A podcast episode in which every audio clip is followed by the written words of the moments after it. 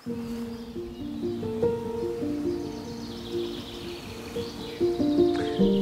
leuk dat je luistert naar de podcast van de Sacred Sex Academy. Mijn naam is Judith Bruin en vandaag ga ik in gesprek met Iris Krekels.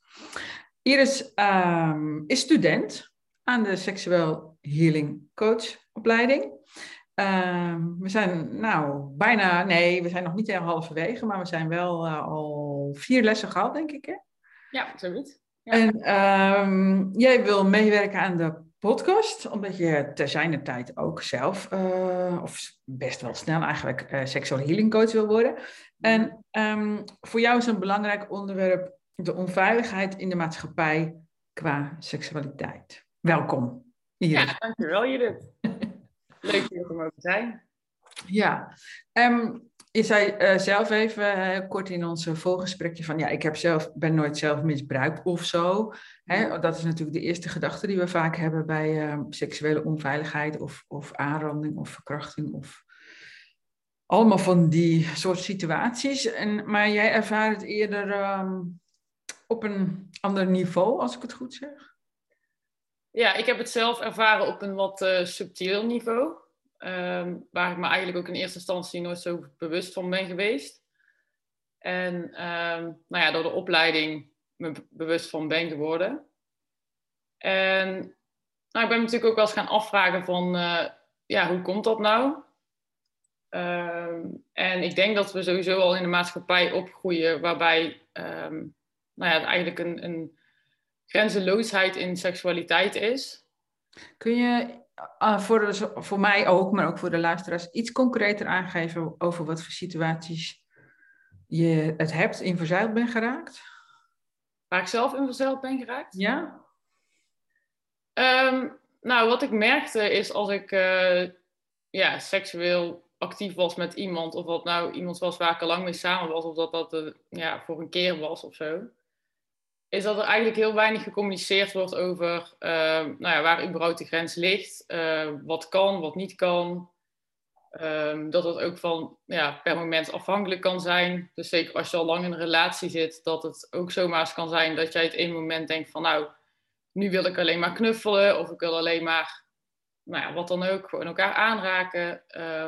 En dat er eigenlijk een soort van vanuit wordt gegaan dat, uh, dat seks wel kan of zo. Of als het zeker al een keer gebeurd is, dat het dan daarna nog wel een keer zou kunnen. Of, of, hè?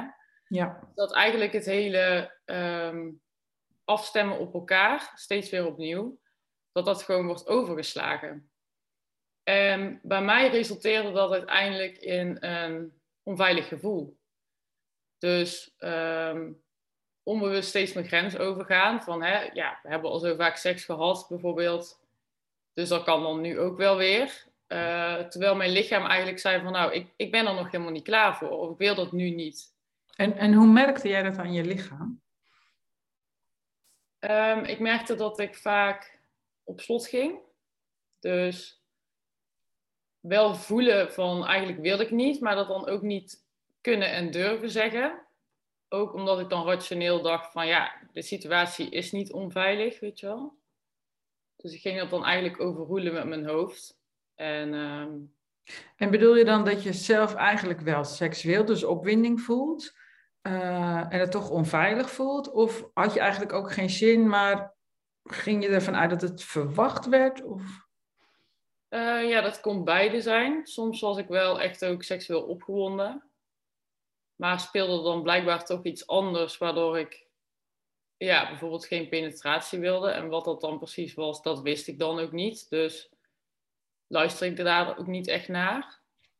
Um, en ik durfde het ook niet te zeggen, denk ik.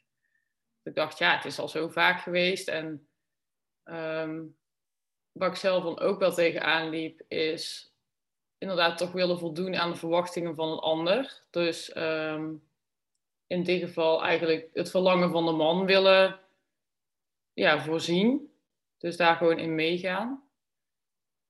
Um, ja, en ook wel een stukje, misschien zelfs schaamte of zo. Dat ik dacht van ja, waarom, waarom wil ik dit dan nu niet? Want ik hou toch van jou. En uh, een beetje onbegrip ook bij mezelf. Ja, En, en ook eigenlijk dus niet zo goed luisteren naar jezelf. Nee, nee. nee. En het, ja, het ook niet kunnen. Ik denk dat dit ook wel... Dit is me duidelijk geworden misschien een jaar geleden of zo. Dat ik voelde dat ik dan af en toe een grens hè, in mijn lichaam kon aanvoelen. Maar zeker de jaren daarvoor voelde ik wel dat ik dan kleiner werd in een relatie bijvoorbeeld. Of ook gewoon op seksueel gebied. Dat ik mezelf kleiner maakte. Dus dat ik geen grens meer aangaf. Maar ik voelde nog niet dat het te maken had met die onveiligheid. En die grens waar, het dus, waar ik steeds overheen ging. Je zegt, ik maak mezelf kleiner door geen grens aan te geven. Dus door jezelf niet meer te laten zien, bedoel je daar met... Ja, dat bedoel ik dan mee. Ja, oh, ja. Te, te, stoppen, zeg maar. Ja, ah ja. Ja. ja. Ja, en um, dat vind ik ook altijd wel een beetje een spannend gebied. Dan denk ik, ik denk dan bij mezelf, um, merkt zo'n man dan niks? Ja, dat is een goede vraag. Dat denk ik dus niet. Um, ik heb het daar wel ook met mijn uh, huidige partner over gehad. En hij vond het echt heel vervelend ook om te horen. Dat het wel eens gebeurde dus. Dus dat ik wel eens over die grens ben gegaan en hij dus ook. En zijn eerste reactie was natuurlijk ook meteen van ja, dat, dat wil ik gewoon niet. Dat vind ik heel erg. En ik heb daar gewoon niet doorgehad. En ik weet niet of dat bij alle mannen zo is. Maar ik ik uh, vertrouw en ik geloof er wel uh, in dat geen één man bewust over jouw grenzen heen wil gaan. Maar ik denk niet dat ze het merken, nee. nee. En, en jouw vriend heeft het dus ook niet gemerkt. En um, je had het natuurlijk ook in het begin mooi over afstemmen. Hè? Mm-hmm. Dus hoe, hoe doen jullie dat nu, zeg maar? En ik bedoel natuurlijk grenzen aangeven, niet precies wat je nou allemaal uitvreet in de slaapkamer. nee, de grenzen aangeven. Uh, nou, voor mij is het dus heel erg geholpen om te beginnen met uh, zelfbeminnen. Om gewoon eerst eens bij mezelf te gaan kijken van... Um, ja, wat vind ik nou eigenlijk prettig en wat niet? En wanneer voel ik dus ook een grens? En vertragen, dus echt weer genieten van de stapjes samen. Van gewoon aanraking, alleen maar even een kus of een zoen. Of, en voelen wat dat dan eens met je doet. En dan eigenlijk gewoon per stapje gaan bekijken, wil ik nu verder ja of nee? Dus het eigenlijk opdelen in nou ja, heel veel stapjes vooraf. Ja, ik noem het altijd het uh, gevoelsbewustzijn ontwikkelen. Ja, mooi gezegd. Ja. ja.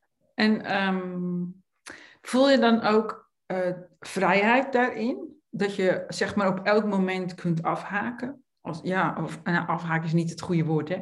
dat je op elk moment een grens aan kunt geven. Dat je zegt, uh, dit is zo, tot zover gaan we vandaag. Uh, ja, maar dat heeft wel moeten groeien. Dat vond ik in het begin echt wel lastig hoor. Um, en dan vooral dingen die bij mij meespeelden, was dat ik, dat, dat ik mijn vriend dan niet wilde afwijzen, bijvoorbeeld. Dus dat ik dan uh, ja, dat ik dat dan zielig vond of zo, of wat dan ook. Ehm, en wat ook nog wel meespeelde, is dat ik ook door seks ook veel intimiteit zocht. Dus was voor mij ook een beetje een bevestiging van, als het dan bijvoorbeeld, als we een keer ruzie hadden gehad of zo, dat ik dan heel veel behoefte had aan, aan seksualiteit of, of intimiteit. En dat gaf mij dan een soort onbewuste bevestiging van, oh ja, hij wil mij nog wel en um, ja, hij is niet boos of zoiets, weet je wel. Is seks dan ook op dat moment, en misschien altijd wel hoor, uh, een manier om, om verbinding te voelen met elkaar weer? Als je ruzie hebt, kan ik me voorstellen dat je dat even niet voelt. Ja, ja ik denk dat wel. Ja. Maar wat ik dus nu ook merk, is dat die intimiteit en die verbinding ook in hele andere dingen kan zitten maar ook gewoon al in de aanraking. En dat dat juist misschien wel voor nog meer intiemere verbinding zorgt. Om heel bewust te zijn van al die stapjes en dat gevoel en dat moment. En, ehm, maar ja, dat wist ik eerst nog niet. Dus was het, dan was het gewoon, ja, dan gaan we maar seks hebben of penetratie of hoe je het wil noemen. En um, ja, zocht ik dat dan daarin. Maar dat was ook altijd dan het ding. Het gaf me dan niet wat ik dan uiteindelijk zocht. Omdat ik eigenlijk behoefte had aan iets anders. En dat was gewoon op dat moment vaak gewoon een knuffel. Of hè, gewoon intiem zijn en voelen dat je weer verbonden bent met elkaar. Ja. ja. En misschien kun je zelfs wel zeggen dat als je grensoverschrijdend met seks bezig bent, ook al doe je het zelf, dat lijkt me niet echt tot verbinding leiden. Nee, totaal niet. Nee. Nee, nee want uiteindelijk, mm, voor mij geldt dat ik dan alleen maar verder van mezelf uh, wegloop. Dus dat ik de verbinding met mezelf niet kan vinden en daardoor ook niet met de ander. Ja. Dus uiteindelijk uh, wordt het alleen maar heeft een averechts effect. Ja. ja. Ja, ja, ik ben er zelf ook heel anders over gaan denken um, en gaan voelen toen ik uh, voor het eerst de zeven sluiers een keer uh, doorliep met mijn vriend. En um, mm-hmm. dan, dan, leer je dus inderdaad al die stapjes opnieuw kennen. En, en dat je dan. Uh, maar ik kreeg, wij kregen er ook een soort van ja, taal bij, eigenlijk bijna zo van dat je zegt van nou, ik, vandaag wil ik niet verder als tot die sluier of tot die sluier of zo, weet je wel. En dan. Ja nou, dan is het gelijk voor iedereen duidelijk uh, wat er wel of niet gebeuren gaat. En uh, dat is dus ook heel soort van, ja, relaxed. Is in ieder geval heel veilig. En daar, daar begonnen we uiteindelijk mee, dit gesprek. ja, klopt, inderdaad. Ja. Ja, ja met de sluiers, wij hebben daar... Uh, we hebben dat per week, zeg maar, gedaan. Om, om gewoon te beginnen, om te kijken wat het dan doet. En ja, dat gaf mij dus ook een heel veilig gevoel. Dat ik dacht van oké, nu is gewoon eh, dit. En wel natuurlijk ook dat je altijd nog mag aangeven van nou, vandaag wil ik uh, maar tot zover gaan. Maar ehm, ja, en het gaf mij ook heel veel ruimte op een of andere manier. Om gewoon eens weer helemaal te gaan ontdekken van ja, wat is dat nou eigenlijk, al die stapjes vooraf en uh, wat maakt het bij je los? Ehm, ik ben denk ik ook daardoor wel bewust geworden dat ik dus ook vaak ja, toch die seksualiteit als een soort bevestiging gebruikte. Dus toen we bij Sluier 1 alleen maar naar elkaar mochten, elkaar mochten aankijken en uh, wat hoort er nog meer bij? Ik weet zo even niet uit mijn hoofd. Ja, handen aanraken. Ja, precies. Dus echt heel, uh, heel subtiel. Dat ik daar ook een beetje onrustig van werd. Dat ik dan dacht van, ja, hoe kan ik nou, hè? Hoe kan ik dan toch die verbinding vinden als dat het enige is, weet je wel? Dus uh, ja, het zorgt ook wel voor heel veel bewustwording. Althans bij mij. En, en is het je gelukt om, uh, uh, als je zo weinig seksualiteit mag uitvoeren, zal ik maar zeggen, is het gelukt om toch die verbinding te voelen? Uh, ja, dat is uiteindelijk wel gelukt. Ja. Um, wat ik daar zelf ook in ervaarde is. ja, als je er zelf ergens tegenaan loopt, dan ben je dus even de verbinding ook met elkaar kwijt. Want dan zit je meer in je eigen proces van, oh ja, dit vind ik dan moeilijk, maar om daar dan samen over te gaan praten. En dan dus ook van de ander te horen dat dat niet, ja, dat het niet nodig is om altijd seks te hebben om verbinding te uh, ervaren. Ja, los je daar ook meer mee um, ja, wat stukjes op. Of in ieder geval overtuigingen die je dus had die niet kloppen. Ja, dus, dus je doorbreekt ook wat oude patronen en daardoor komt er misschien wel ruimte voor veel meer variatie en nieuwe dingen. Ja, en ook weer meer verbinding. Zo ervaar ik dat in ieder geval wel. Ja, ja mooi. En heeft zo die ontdekking in jezelf en ook in je relatie, maar goed, de relatie ben jij ook natuurlijk. Ja. Heeft dat um, invloed gehad op, op relaties met andere mensen of in je werk? Uh, ja, mooi dat je dat vraagt. Ja, ik ben echt wel beter in staat om grenzen aan te geven. Nou ja, grenzen te voelen, laat ik daarmee beginnen. Ja, dat zijn verschillende stappen, ja. Dat zijn verschillende stappen. En grenzen aangeven gaat steeds beter. Um, maar daar vond ik, vond ik echt wel heel erg moeilijk. Als je zo niet gewend bent om uh, je grens aan te geven. Kun je daar eens een voorbeeld van geven? Uh, ja. Werk. Uh, nou, dat ik eerst eigenlijk altijd mijn werk deed op ja, 120 procent. Dus echt enorm hard mijn best doen.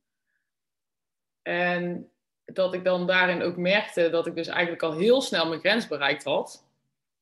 En het grappige was dat als ik daar dan ook dus overheen ging, dat ik eigenlijk ook niet meer in staat was om die grens nog überhaupt uh, te voelen. Of eigenlijk te voelen hoe moe dat ik bijvoorbeeld was. Of dan kun je daar eigenlijk voor mijn gevoel een soort van oneindig overheen blijven gaan. En ja, ik, ik uh, heb dan dus in ieder geval al geprobeerd om uh, gewoon in, in rust iets te doen. Dus nou ja, gewoon op 80% bij wijze van te gaan werken. En veel dichter bij mezelf te blijven en dus aan te geven van nou, dit kan ik er niet nog extra bij hebben als taak, bijvoorbeeld. En dan toch het bij de ander neer te leggen. Of in ieder geval het te bespreken.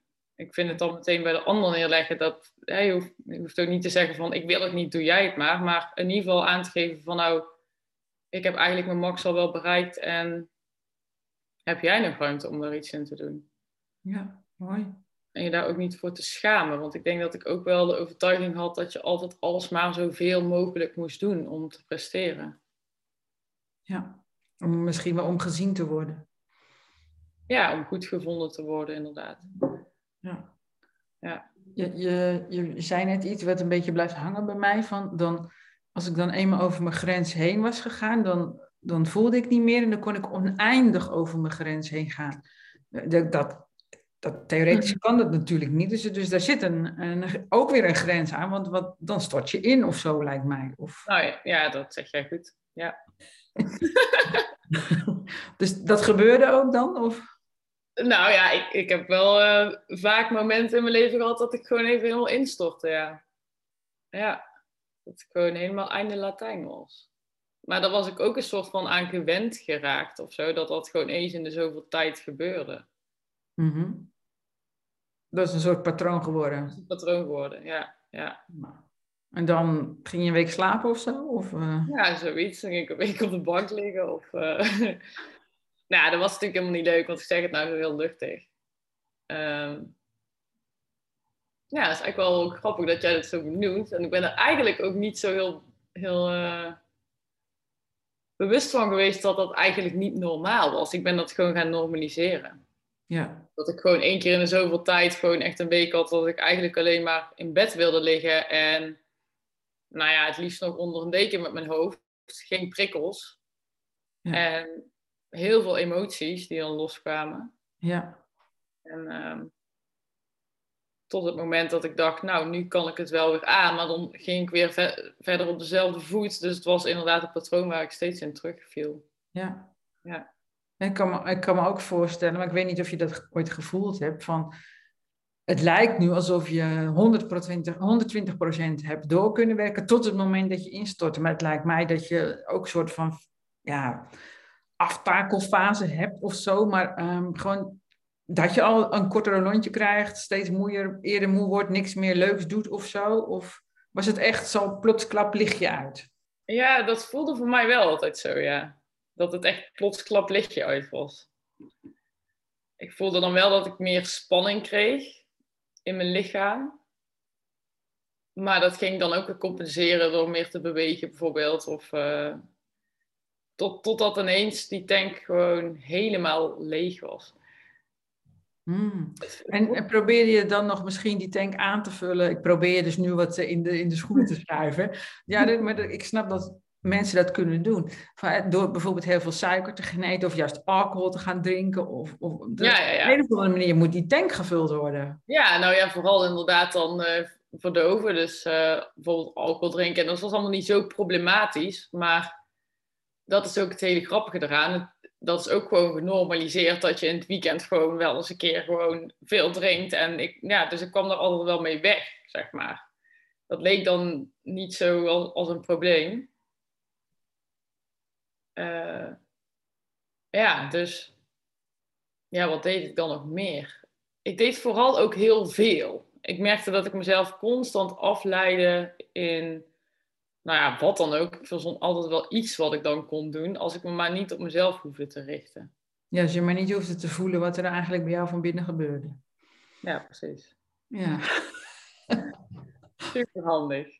Ja, ja, nee, je hebt er een patroon in, in ontwikkeld. En uiteindelijk heeft iets in jou dus gezegd van hier stop ik mee of zo. Of je, je, je hebt je tot iets geroepen gevoeld, zoals de opleiding. En dan kom je tot andere dingen tot de ontdekking. Ja. Ja, er is een punt gekomen. Ik denk uh, dat dat vorig jaar... Ja, in ieder geval rond, rond het nieuwjaar, denk ik dat ik dacht, ja, hoe lang wil ik dit nog zo blijven doen? Want ik voelde me ook dan echt zo ellendig. Zeker die week. Dan, dan, ja, dat klinkt heel dramatisch, maar ik, ik vind dat dus ook helemaal niet gek om te zeggen. Maar dan had ik net zo, dan had ik net zo goed gewoon dan niet meer willen zijn in die week. En ehm, dat ik wel dacht van ja, dit is niet normaal. En ik schoof het eerst nog vaak ook onder het stukje van, nou, ik zal wel gewoon oude dingen moeten oplossen en het zullen wel emoties zijn die loskwamen, maar ik was me er niet helemaal bewust van dat het mijn eigen patroon was wat mij steeds zoveel pijn deed.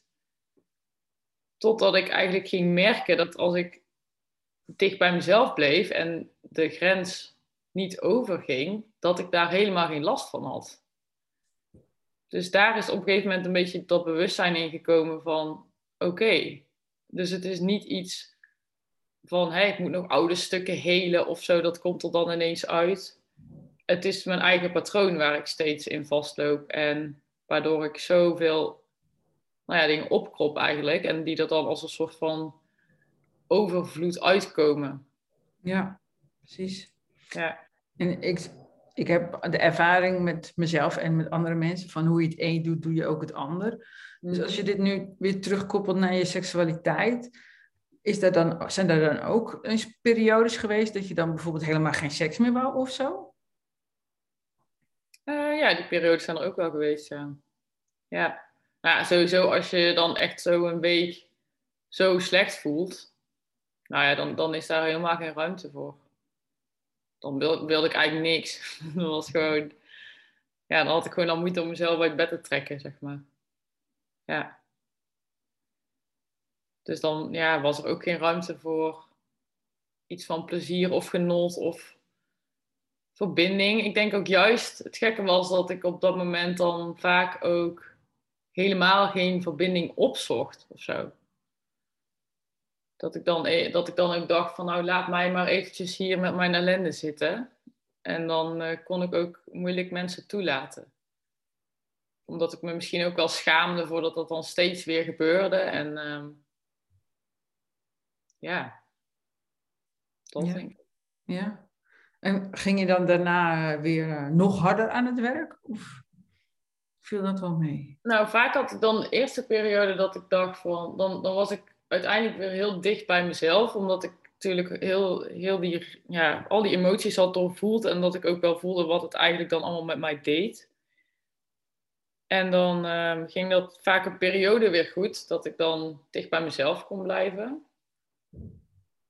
En ergens ging ik dan toch steeds een beetje de mist in. ja. Ja, en als je dan uh, terugkijkt, en misschien is het een heel moeilijke vraag hoor. Maar zou het dan ook kunnen zijn dat, hè, dus eerst heb je ook geen seksualiteit, want je voelt je broers en dan uh, waarschijnlijk komt dat ook weer terug. Mm-hmm. Zou dat een relatie kunnen hebben dat als je, als je in, in de seksualiteit over je grenzen heen gaat, dat je dan in je dagelijks leven ook weer over je grenzen heen begint te gaan? Of is dat een vraag waar je een nachtje over moet slapen misschien? nou, dat, ik denk dat eigenlijk wel. Want ja, dit is een, dit is een vraag die, die, uh, die mij ja, wakker maakt, zeg maar. Dus ik weet niet hoe ik het moet verwoorden, want het is nog heel vers, zeg maar. Mm-hmm. Um, maar ik denk dat daarin dan ook weer dat stukje onveiligheid komt. Op het moment dat ik dus over mijn grens heen ga met seksualiteit. Uh, ja, voel ik me dus onveilig. En die onveiligheid maakte bij mij een soort van overlevingsstand. Uh, kwam daarin vrij. En ik heb dat ook in mijn werk gemerkt. Dat, nou ja, inderdaad, als ik bij mijn werk over mijn grens heen ging. ging ik mezelf ook onveilig voelen en ging ik dus ook alleen maar meer presteren. Harder werken. Omdat ik blijkbaar niet de veiligheid voelde in die omgeving, dus in mijn werkomgeving, om mijn grens aan te geven. En dat kwam ook wel omdat ik voor mijn gevoel die wel aangaf. Achteraf misschien niet duidelijk genoeg, dat, dat weet ik niet. Maar eigenlijk, als iemand dat tegen mij zou zeggen, zou het voor mij duidelijk genoeg zijn. Maar omdat er dan weer overheen werd gegaan, omdat er simpelweg geen ruimte voor was, omdat uh, nou ja, de werkwijze nou eenmaal anders was, ging ik me heel onveilig voelen en ging ik dus weer um, ja, in die overlevingsstand, waardoor ik dus ook mezelf niet meer kon voelen. En ja, dan ging ik weer heel dat, heel dat cirkeltje doorlopen. Ja. Dus dat heeft wel relatie met elkaar. Ja. ja. En ik kan me ook goed voorstellen dat als je in je seksualiteit over je grens heen gaat, per ongeluk, mm ja, dat je je ook niet gezien voelt. Nee, klopt. En, en, dat je dat ook eh, waarschijnlijk in je werk zo ervaart. Of heb, heb ervaren. Ja. En dan is je reactie misschien, ik ga nog beter mijn best doen, dan zien ze me misschien. Ja. Dat klopt. Ja. Hoe doe je dat nu? Hoe laat je je nu zien? Hoe laat ik me nu zien? Ja, of ik daar bewust iets aan heb veranderd. Ja, door dicht bij mezelf te blijven en daar gewoon voor te gaan staan en te weten wie ik ben. En ehm, ja, ik voel, ik voel wel namelijk heel duidelijk wanneer ik een, wanneer ik een rol begin te spelen. Hmm. Ik voel die overgang wel. En wat voor rol neem je dan op je? Of zijn dat verschillende? Nee, dat is vaak wel één en dezelfde rol.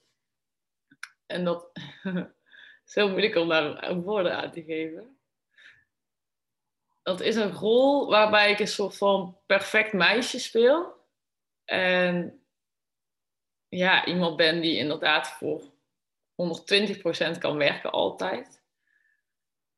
Altijd vrolijk is, ook nooit boos wordt. Dus geen grenzen aangeeft. En daarbij had ik dan ook nog wel, ik weet niet of dat een andere rol was. Maar dat kwam dan weer terug in mijn seksualiteit dat ik dan juist onveilige situaties ging opzoeken en een beetje juist anderen wilde domineren. Dus eigenlijk het een beetje wat dan mij was, hè, wat, wat, waarin ik mezelf eigenlijk niet gezien voelde, dan ook anderen maar niet gaan zien. Ja, dus eigenlijk grensoverschrijdend naar anderen toe worden. Ja, ja. Dus dat zijn een beetje de twee. Maar misschien is dat ook wel toch wel hetzelfde, denk ik nu. Ehm, en ook boven anderen staan, dat deed ik dan ook graag. Dus dan, dan voelde ik al meteen dat ik veel meer oordeelde en minder verbinding zocht met anderen. En dat ik dan dacht, nou ja, hoezo kun jij dat niet? En uh, ja. Ja, dus eigenlijk als die andere grens aangaf van ik kan dat niet, of ik kan dat niet nu, uh, dat jij daar dan een oordeel over had. Ja, ja en heel snel in mijn handelingen werd. En uh, ja, ik, ik ervaarde het soms ook een beetje als een soort van high gevoel of zo. Dat je een soort van uh, superhuman wordt voor je gevoel. Ja. totdat je dan weer instort natuurlijk. Dan weer instort, ja. Dus, maar ja, een, een, ook een, ja, gewoon een extreme overlevingsmodus, zeg maar. Zelf, zo, jezelf zo sterk voelen. Um, ja, de zachtheid ging er dan ook af. Ja. Ja. Ja. Dus dan heb, je aan de buitenkant, hè, zie je er prachtig, uh, heel mooi vrouwelijk uit. En dan de binnenkant is dat, komt niet met elkaar overeen. Nee, totaal niet. Nee. Hoe, hoe is dat? Hoe dat is? Als je dat ervaart, als je dat opmerkt. Uh, wat bedoel je precies? Nou ja, dus hè, er, kunnen, er, kunnen, er zijn veel meningen en discussies over, maar goed, als we naar jou kijken kun je gewoon zien zit een prachtige vrouw voor me, uh, mooi lang haar, gewoon mooi vrouwengezicht, mooi vrouwenlichaam. En dan van binnen zo hard zijn. En op een gegeven moment word je dat, dat, is mannelijker, hè? dat kwalificeren was mannelijker. Op een gegeven moment word je dat dus ook bewust. Ging je dan bijvoorbeeld de buitenkant nog vrouwelijker proberen te maken? Oh, op die manier. Nou, dat is ook wel grappig dat je daar naar vraagt. Maar ik denk dat ik uh, juist vijf jaar geleden was ik echt super afgetraind en gespierd. Dan was ik ook nog veel mannelijker in hoe ik eruit zag. Dus dat is een beetje met elkaar meegegroeid, zeg maar. Dus um, dat hele extreme harde, dat heb ik dan niet meer zo, denk ik. Ja, af en toe dan nog, maar dat, dat, die frequenties worden steeds lager. En wat ik dan wel merk, is dat ik dan juist meer, uh, ik zeg niet mannelijker uit ga zien, maar wel meer mannelijke energie ook in, mijn, in mezelf voel. En dus ook, uh, ja, soms, soms het gevoel heb dat ik mijn lichaam weer wil veranderen. Dus dat het weer juist minder vrouwelijk moet worden en zo. Dus dat, dat beweegt juist de andere kant mee op. Ja, dat je dus geneigd bent om meer te gaan trainen of zo. Ja, precies. Ja. En nu weet ik ehm, dat ik dat niet moet doen. Ehm, want ik heb ook het verleden een eetstoornis gehad. Dus ik weet ook hoe dat riedeltje gaat. Dus, dus zeg ik ook van, nou, dat, uh, daar gaan we niet meer aan beginnen. Ehm, maar het is wel de neiging die je dan hebt. En ik weet ook niet of dat ook nog samenhangt, inderdaad. En als je dat zo zegt, dat als je meer mannelijke energie hebt, dat je dan ook de behoefte hebt om juist je lichaam meer ja, mannelijker uit te willen laten zien. Het kan natuurlijk ook de andere kant op gaan. Maar... Mm Je kan een beetje beide kanten op gaan natuurlijk. Je kunt hè, steeds vrouwelijker gaan kleden, wat we dan vrouwelijk noemen. Ja. En, uh, maar meer juist geef je eigenlijk aan van nee, dan ging ik me juist ook mannelijker kleden. Of uh, ja. zorgen voor een mannelijker lichaam. Ja. ja, en qua kleding was dat dan uh, een beetje wisselend. Wel wel meer, ehm, nou ja, wat meer bloot en zo, weet je wel. Dus dan toch weer wel wat gezien willen worden. Dat, ja, en misschien dan toch ook wel een beetje compenseren van ja, ja. hoe mooi, uh, hoe mooi vrouw, vrouw ik ben. Zo, van, ja, precies. Je mag meer zien van mij. Ja, ja. ja mooi hoe het allemaal werkt in ons, hè? Ja, zeker als je dan nu zo eens even doorgaat, pitten hoe dat dan samenhangt. Dat is eigenlijk wel... Uh, ja, het is wel interessant om zo naar te kijken. Ja, ja. ja. verhelderend. Verhelderend, ja. Ja, we zien, die, onze eigen patronen zijn, eh, ja, dat zijn toch blinde vlekken. Dus, uh, ja, ja.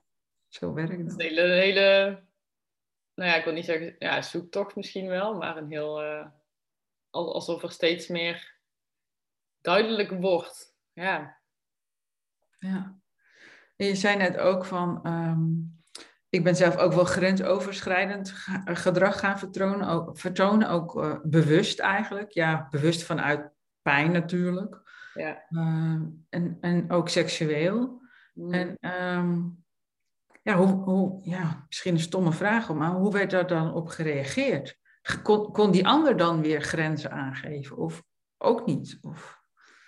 Ja, ja ik, ik, nu laat ik het misschien wel overkomen alsof dat vrij heftig was. Ik was me daar sowieso nog niet zo uh, bewust van. Um, maar dat werd, ik, ik kleedde dat ook eigenlijk een beetje in als juist heel erg sexy of zo, weet je wel? Zo van, ik weet gewoon wat ik wil en ja, een, een beetje... Ik ga op mijn doel af. Wat zei je? Ik ga op mijn doel af. Ja, precies. Ja, ik was heel dominant en heel... En nou ja, sommige mensen vinden dat juist ook heel aantrekkelijk, weet je wel. Maar eigenlijk achteraf, nu vind ik dat niet meer oké. En zou ik dat ook niet meer doen. Maar toen zag ik daar eigenlijk heel het, het kwaad niet van in, zeg maar. Nee. Dus eigenlijk ging je zonder enige afstemming op je doel af. En gewoon pakken wat je pakken wou. Ja, precies. Tenzij je afgewezen werd misschien, maar... Uh... Ja, ja. Nee, en dat gebeurde eigenlijk dan ook weer niet. Dus dat mijn, ja, ik voelde me dan altijd heel, ja, superieur, weet je wel. Het was echt een, een, een ja, een ego-dingetje wel. Ja. Ja. Heb je ooit uh, die mannen of mannen of, of man of uh, daar nog wel eens over gesproken? Of? Nee, eigenlijk niet. Nou, dat zijn natuurlijk ook wel allemaal mensen geweest waarbij ik niet echt een diepe connectie had. Want ja, er was gewoon heel weinig verbinding. En uh, ja, ik denk ook wel dat je een beetje dan mensen aantrekt die daar dan uh, ja, voor openstaan of die dat juist willen. Waardoor ik daar eigenlijk nooit een confrontatie mee heb gehad of zo. Of nooit echt tot het naar boven is gekomen. Wat ik nu wel denk is, uh, mijn vriend, die ik dus nu heb, die heb ik uh, vier jaar geleden leren kennen.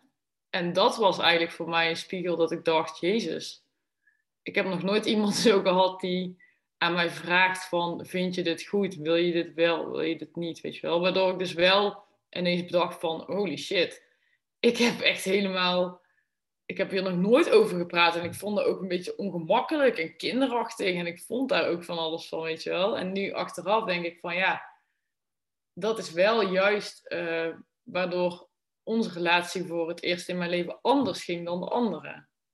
Want het was veel opener. Het was veel meer, veel meer verbinding.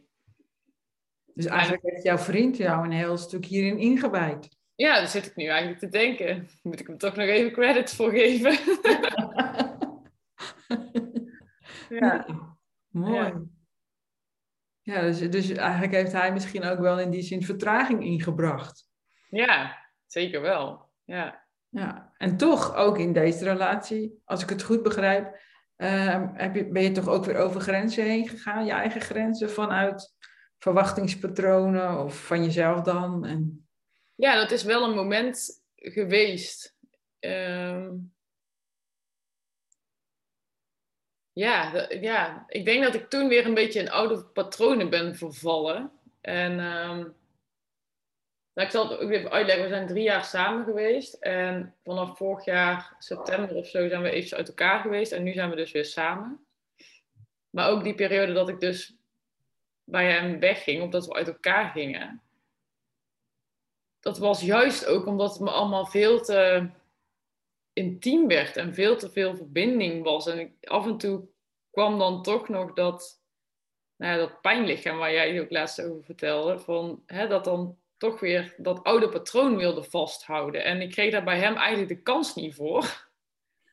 Waardoor ik dan ook weer het waar ergens anders weer ging zoeken. En dan ging ik daar wel weer grensoverschrijdend naar mezelf zijn.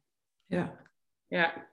Dus ik zocht daar altijd wel een, uh, een, een, nou ja, oplossing eigenlijk niet, maar ik zag er altijd wel een weg in. Ja, het klinkt heel logisch hoor. Dus als je eenmaal onveiligheid hebt uh, uh, ervaren, of of pijn of wat dan ook. En dan is dat, is dat bekend. En dan wil je dat bekende, wil je weer terug, gek genoeg. En dan zoek je gewoon, uh, of je creëert onveilige situaties. Ja, inderdaad. Ja. Dus dat is wel een, uh, ja, en dat dat ook zo super sterk kan zijn. Ja, dat je bijna een hartstikke mooie relatie daarvoor opgeeft. Ja. Ja, echt uh, ja, destructief kun je wel zeggen. Ja. Ja. Heftig, hè? Ja, best wel. Even over nadenken. Confronterend ook wel. ik ben ook heel blij met je openhartige gesprek. Ja. Het is natuurlijk heel herkenbaar um, voor heel veel mensen. En, da en daar, daar zijn deze podcasts eigenlijk voor. Dat mensen zich erin gaan herkennen en zich daar niet alleen in voelen staan. Of nee. wat heel veel vrouwen goed in zijn, dat ze denken dat ze niet normaal zijn. Nee, precies. En uh, ja, normaal betekent eigenlijk gewoon uh, de norm. Nou ja, de norm is dus wel eigenlijk zo bij vrouwen.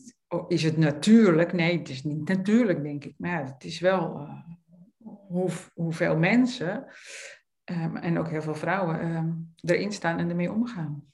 Ja. Ja,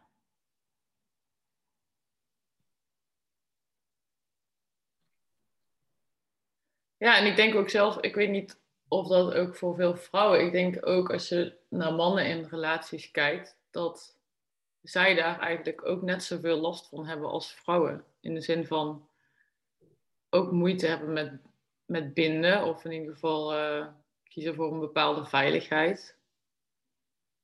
Ik weet niet of dan de oorzaak hetzelfde is, maar uh, ja, dat het natuurlijk niet alleen voor vrouwen geldt, denk ik. Ik weet niet hoe jij daarover denkt.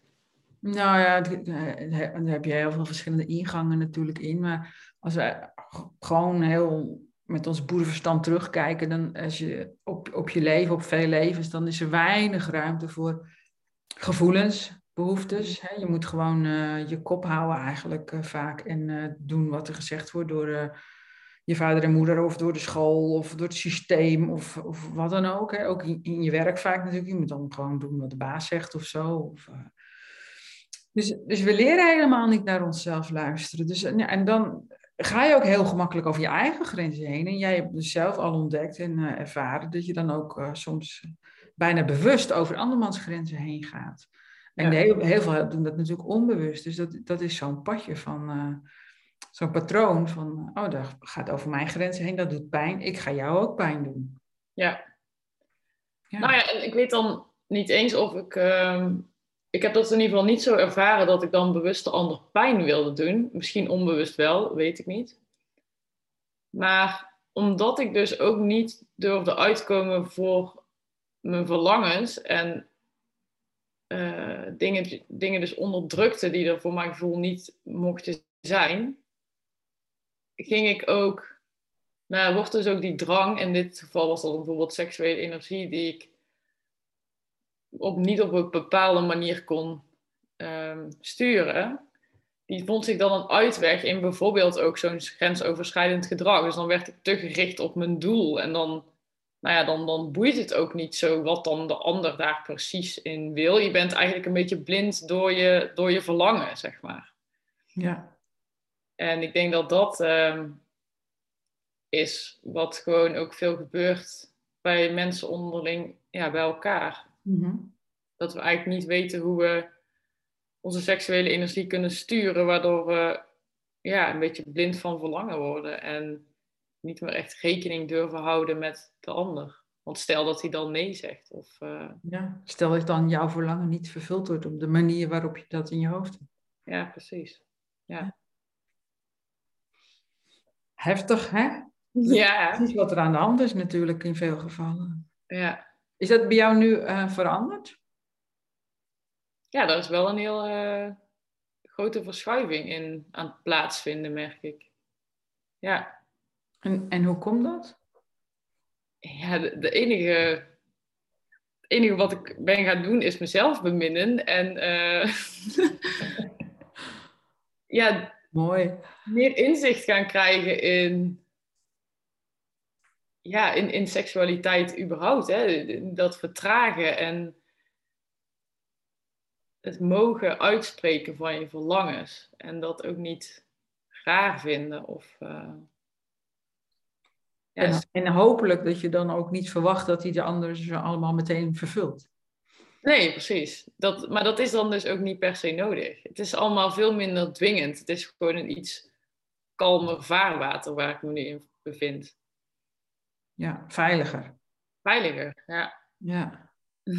ja. ja, soms is het dan, die veiligheid is kan in, in eerste instantie zo saai voelen. Ja. Ook een reden is om weer onveilige situaties op te zoeken. Ja, dat ken ik ook. Maar ik, ik merk dat ik nu, ik weet nu hoe het proces in elkaar steekt. Dus ik kan iets beter tegen die uh, verleidingen, zeg maar.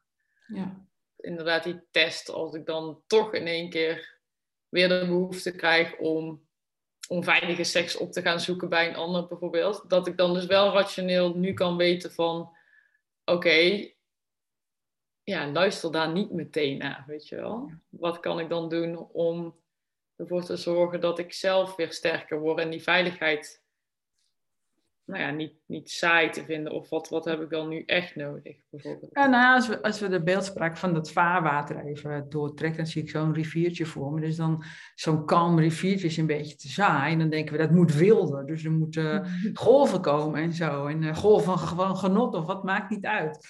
En dan, je kunt eigenlijk ook de diepte in natuurlijk. En dan zie je dat, dat de, de diepte in, dat daar ook nog een heel rijk uh, leven is. En dat, dat noem ik dan ook eigenlijk wel weer dat gevoelsbewustzijn.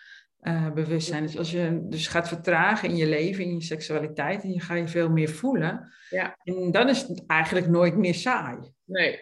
Nee, nu zeg je echt iets heel raaks. Ja, dat, dat is het eigenlijk ook precies. Ja, ja je, gaat het, je gaat het dus inderdaad zoeken in je, nou, in je gevoel. En want, want ik denk dus ook dat als ik de behoefte krijg om weer zo'n onveilig uitstapje te maken, is dat eigenlijk omdat ik niet helemaal in contact sta met mijn gevoel en wie, ja, wie ik ben. Of dat ik dan toch weer een beetje nou ja, van mezelf uh, weg ben aan het lopen of zo. Dus ja. En dan heb je eigenlijk een heel, een heel destructieve manier om weer bij jezelf te raken. En dat is dan die loop van over mijn grens, over mijn grens, over mijn grens, totdat ik neerstort. En dan ja. instort en dan moet je ook weer bij jezelf komen. En ik wil een andere loop maken door te denken, hé, hey, ik, eh, ik ga meteen uh, meer uh, in mezelf meer voelen ja. om bij mezelf te komen. Ja, plus ook die, die, die onveilige loop en die destructieve loop duurt ook eigenlijk zoveel langer. Ja. het is alleen, uh, ja, ik moet mezelf op tijd zien te begrenzen eigenlijk. En dan gewoon ook zeggen van nee, ik, hoe meer dat ik eigenlijk zin krijg om iets te doen wat niet goed, goed voor me is, hoe, uh, ja, dan weet ik gewoon hoe verder ik eigenlijk van, me, van mezelf afsta en van dat, ja, uit dat watertje ben aan het geraken, zeg maar. Ja. ja. En wat doe je tegenwoordig dan als je dat doorhebt?